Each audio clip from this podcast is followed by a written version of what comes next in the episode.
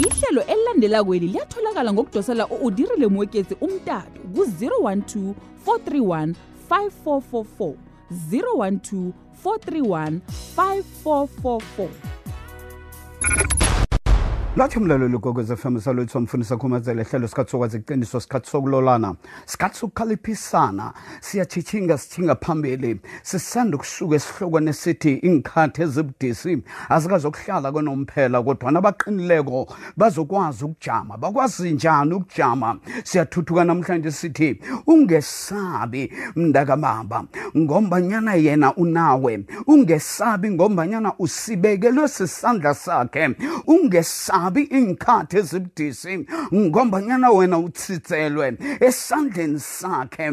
Kungakho kunomvumo othi esandleni somusa ngiyalondolozwa ngiyaqinwa noma kungathiwani kodwana esandleni somusa ngiyaqinwa lalela mntakababa ngikunikela leli themba ukuthi ungahlangahlangani ungagadangeleki emkhumbulweni. Ucabanga ukuthi lobu bujamo bukhona konomphelo ulalela mntakababa abazokuhlula baphumele bayamele ngale.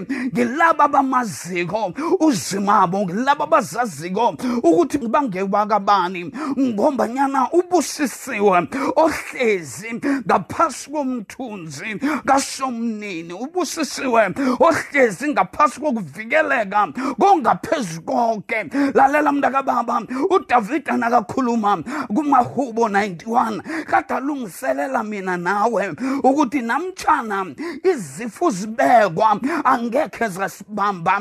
Namtshana emisebe idunyuzwe ebusuku angekhe yasithinda lalela mntakababa ithi 1000 will fall on our left 10000 on our right. Lalela mntakababa uzimu nakanawe. Akutsho ukuthi izimo azikazokuba khona ubujamo abukazokuba khona ubujamo abubuhlungu abukazokuvukela. Lalela mntakababa yena uthi ungesabi ngombanyana mina nginawe. Udavida kumahubo 34 uthi ngamfuna uzimu wangizwa. Lalela mntakababa wangisindisa. Akathi wangisindisa kuphela uthi abamfunako baqala kuye baphakamisa amehlo bakhanya azange basadana. Nawuphakamisa amehlo wakho wasuse ebujameni obobukusilingako ebujameni obukulimazako ebujameni obukwenza ukuthi ugadangeleke emkhumbulweni phakamisa amehlo uzokhanya kungakho nakumahubo 84 ibhayibhile ithi abantwana bakwaisrayeli nabakade batshinga ejerusalema kunomhoba. Wenyembezi ekade bafanele badlule kiwo bayame kiwo. Lo mhoba amanzi akhona akaseleki kunenyoka kunayo yonke into ongayitsho embi. Kodwana ibhayibhile lithi baphakamisa amehlo wabo baphakamisela laba yakhona. Lalela mntakababa uyama umhoba wenyembezi ongaphakathi kwawo. Lisa uqala umhoba wenyembezi phakamisa amehlo waphakamisele kulo umnikazi wempilo yakho umthomisi nomphelelisi wokuphila kwakho. Phakamisa amehlo waphakamisele kumthomisini nomphelelisi wokholwa kwakho. Thinditha konke ekukuliyako endleleni ukuthi ungakwazi ukugijima nokuphakamisa amehlo waphakamisele kuye. Ibhayibhile ithi sebaphakamisela amehlo kuye. Umthombo wenyembezi waphenduka kwaba mthombo wembusiso. Lalela mntakababa isikhathanesi esidlula kiso esibinyabinyeka kiso yokuba mthombo wesibusiso yokuba mthombo wokuthokoza nokujabula. Wena nawumaziko ukuthi lona ngiphakamisela amehlo kuye ubuso bami buyokhanya. Abantu bazokubuza bathi wajabula kangaka? Sithina sihlaselwe sibona sigadangelwe sibona umkhago ongaka ozako lalela nawuhlekako ubuso bukhanya ulungiselela ikusasa lakho elihle. Ngombanyana yoke into oyidalako uyidala ngomkhumbulo uyidala ngokukhuluma kodwana nawubona okumbi kumbi ukhumbula okumbi. Ngilokho ozokuvuna ibhayibheli lithi bakhe nabalilako. Uyabezwa kusese kumahubo 34 bakhe nabalilako. Uyabezwa indlebe yakhe ibekwe hlanu kwabo. Uvesi 7 uyankara. Uthi uthumela ingilozi ukuthi zisithathe. Ingilozi zisizomba zombile. Kuyangikhumbuza ukuthi na ufunda ebahebheru 12 ithi sinefu labofakazi elisibhodabhodileko elingasitshela lithi ningesabi.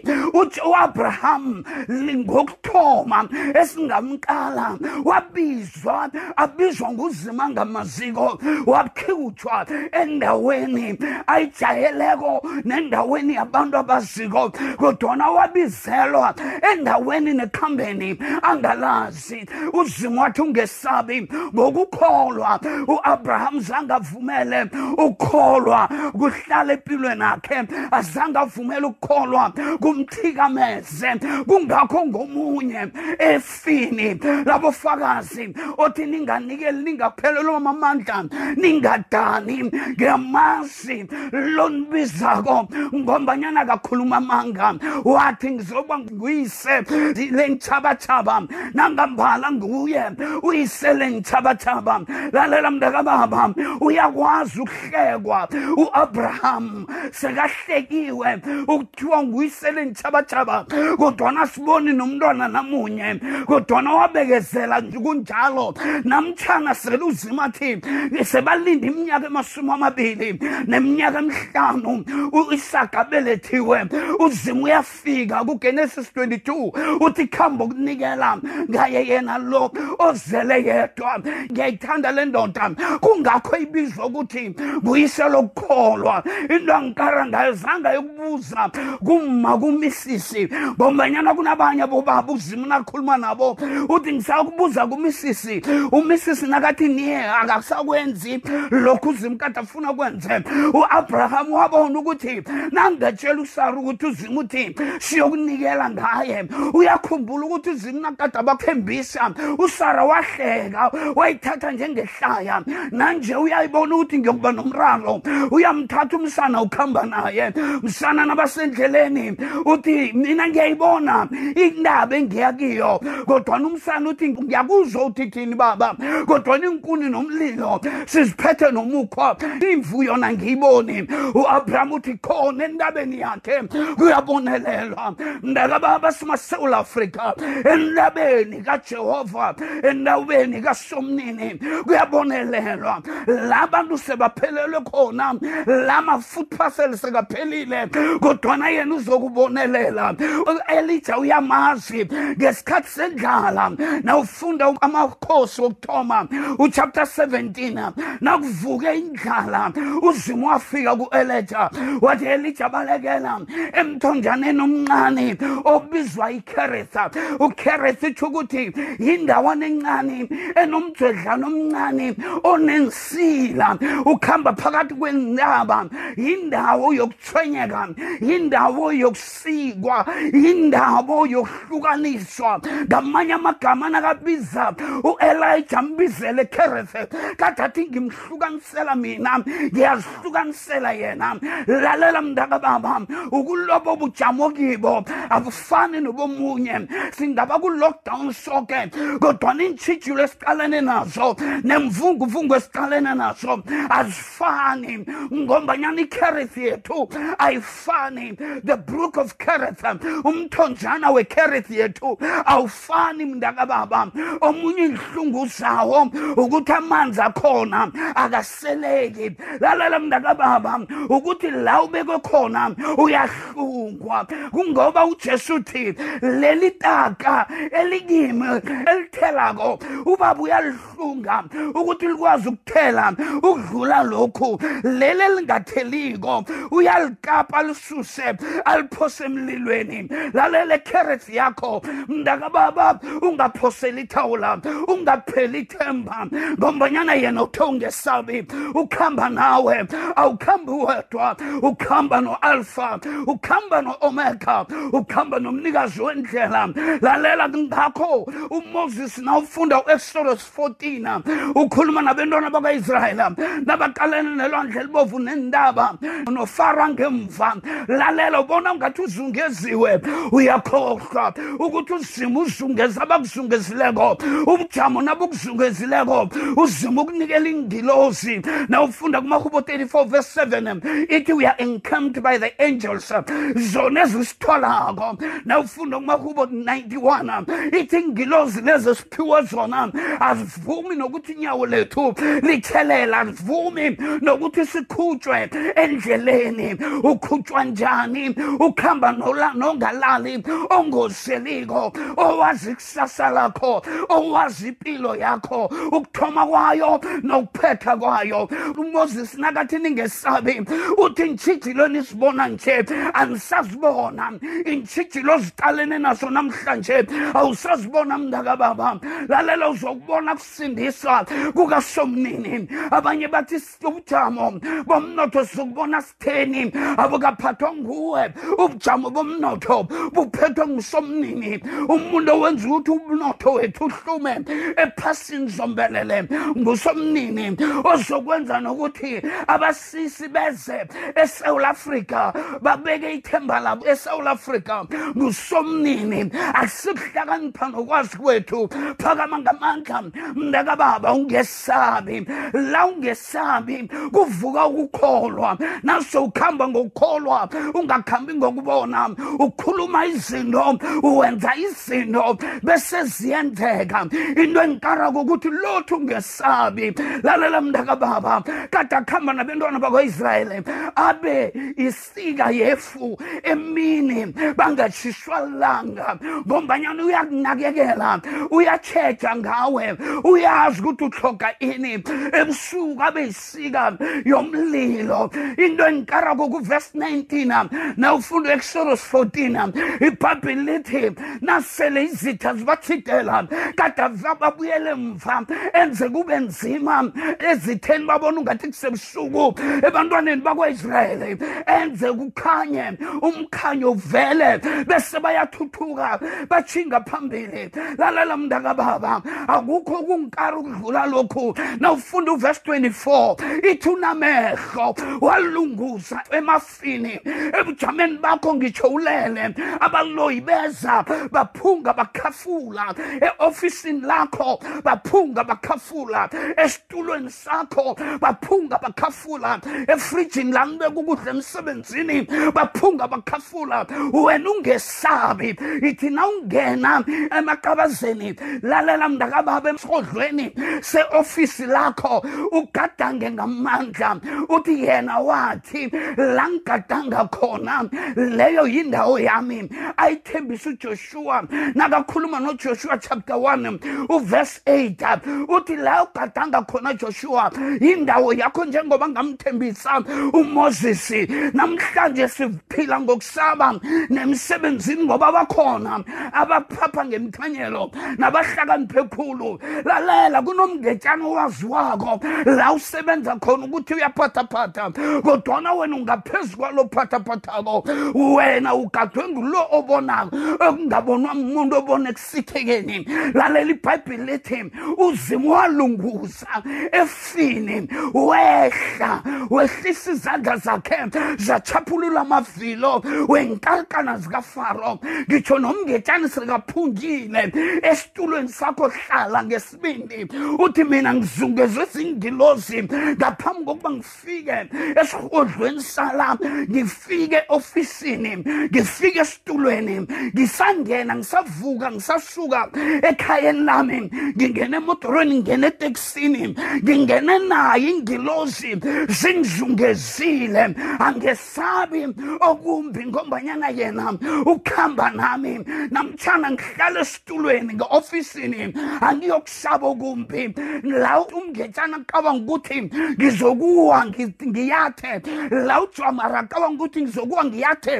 Ukuthi utheleni ebusuku kukhona obonako ekufihlakaleni. Nabathele ebusuku yena uyavuthela ngomlilo. Lalelo elijah wathi asibone uzimo ukuphendula ngomlilo. Nabathelathela isifula nabathela konke ebakuthela kwistroke ofisini yena uya uyavuthela ngomlilo ngombanyana nguzimu ophendula ngomlilo. Lalela yena kunazimo ongajamelana naye.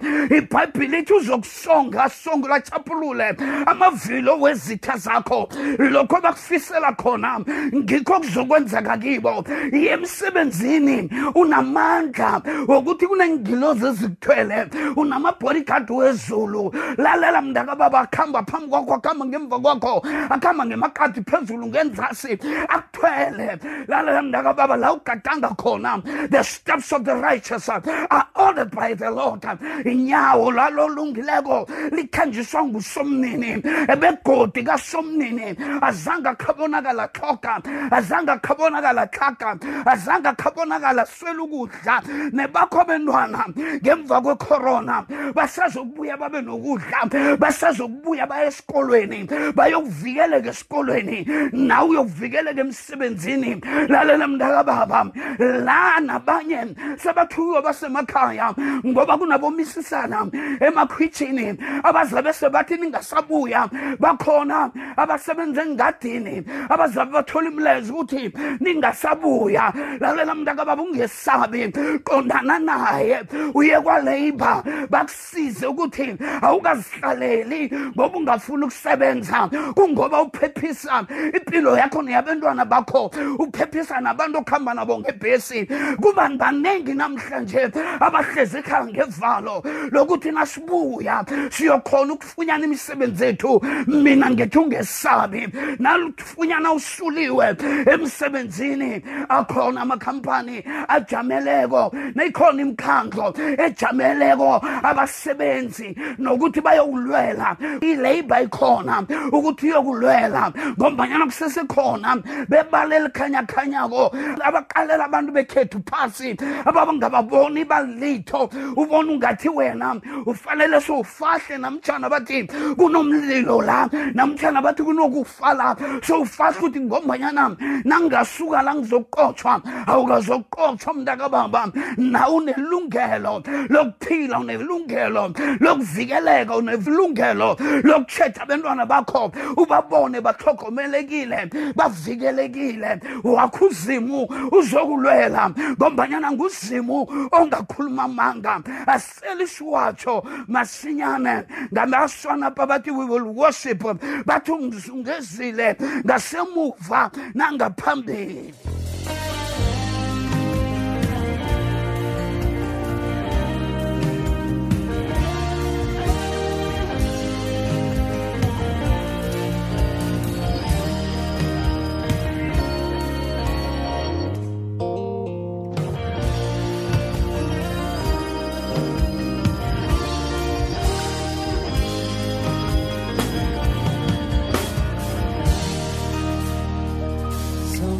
Sometimes I feel, sometimes I don't. Sometimes I'll hear you, sometimes I won't.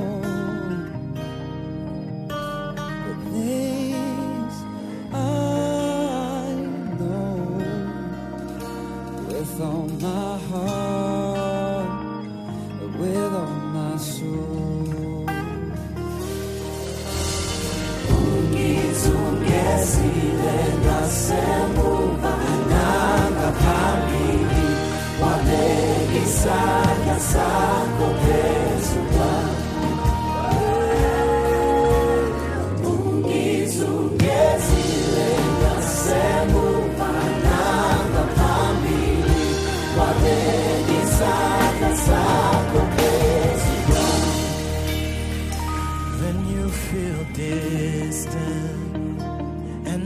darkness near, my faith is waiting through doubt and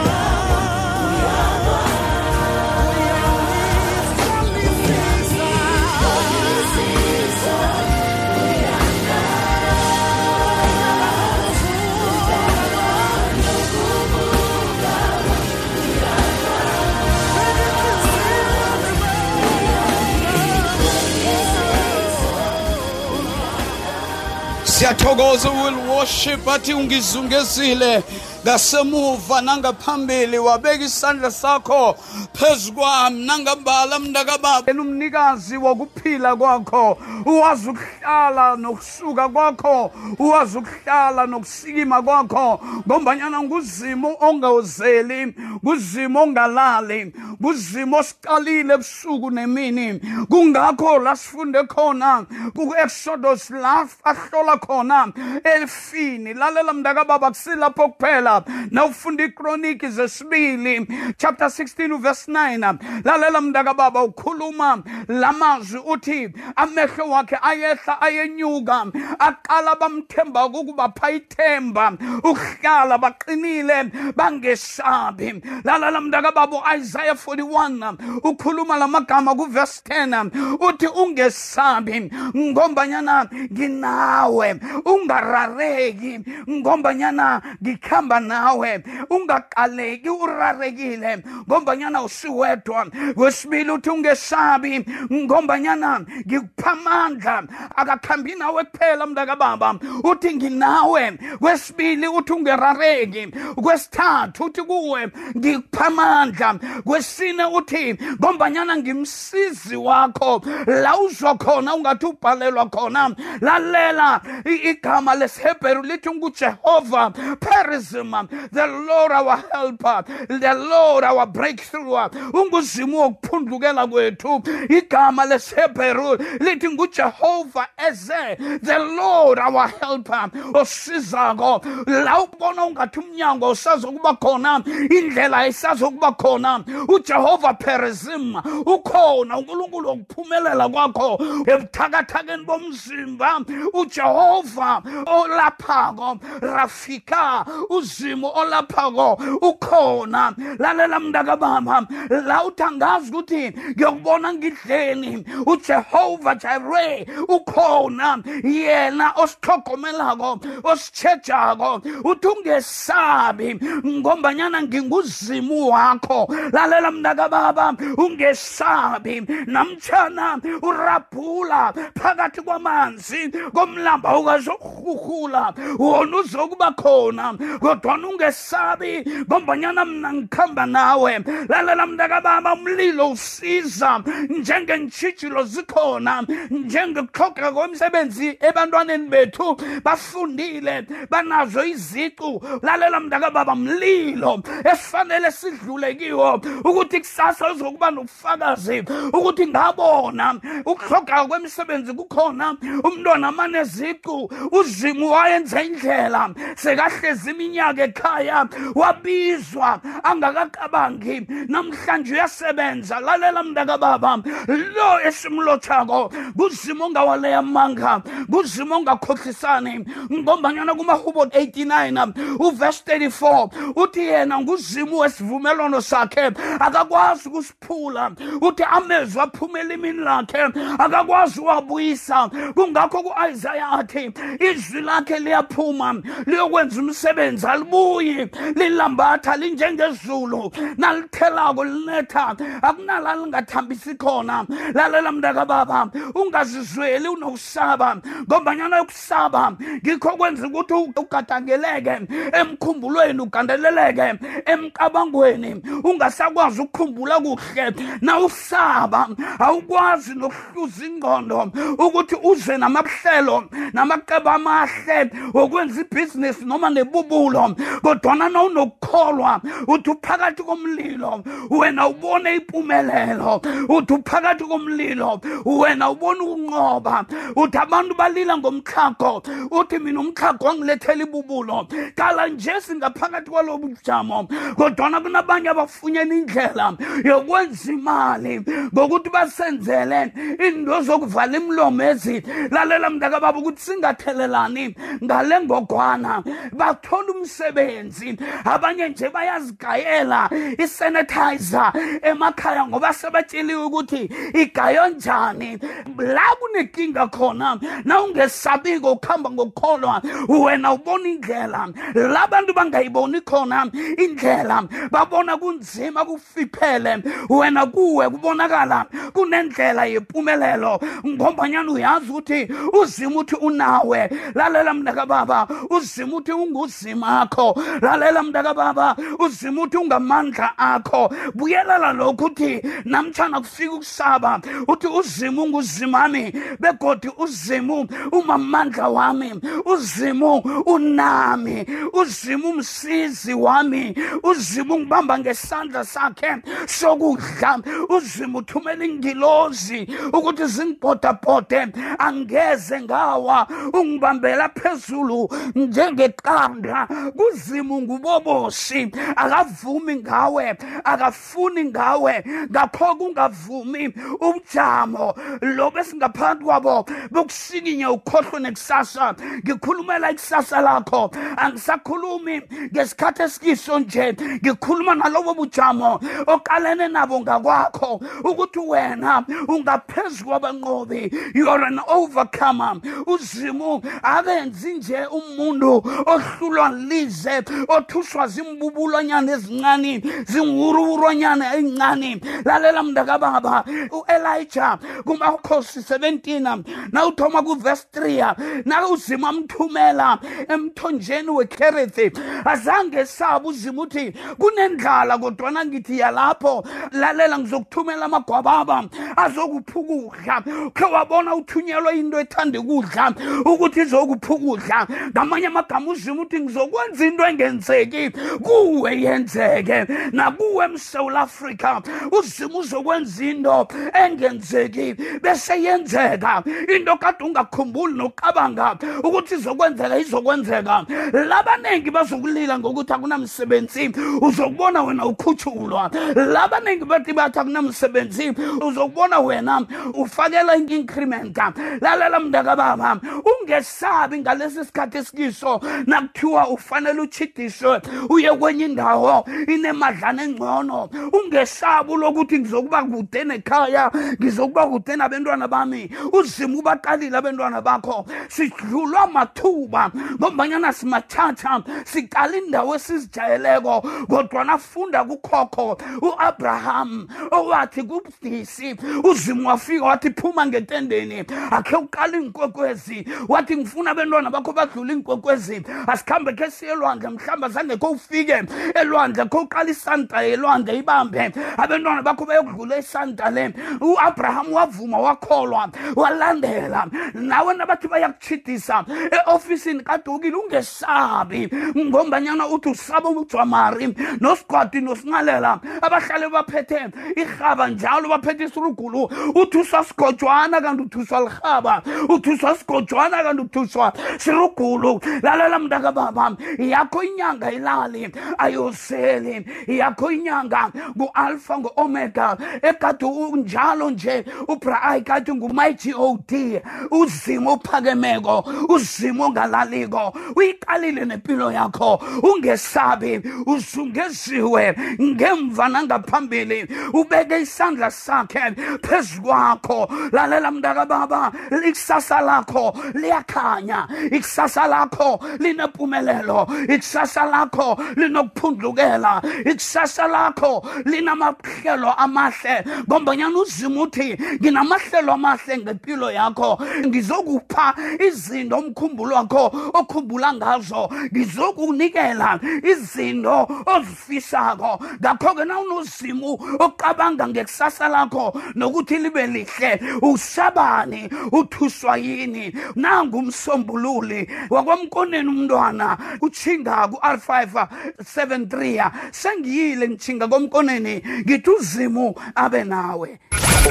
Lokha na ufuna ihlelo elidlulileko ungadosela umtato u-udirile mwekezi ku-012 431 5344 012 431 5444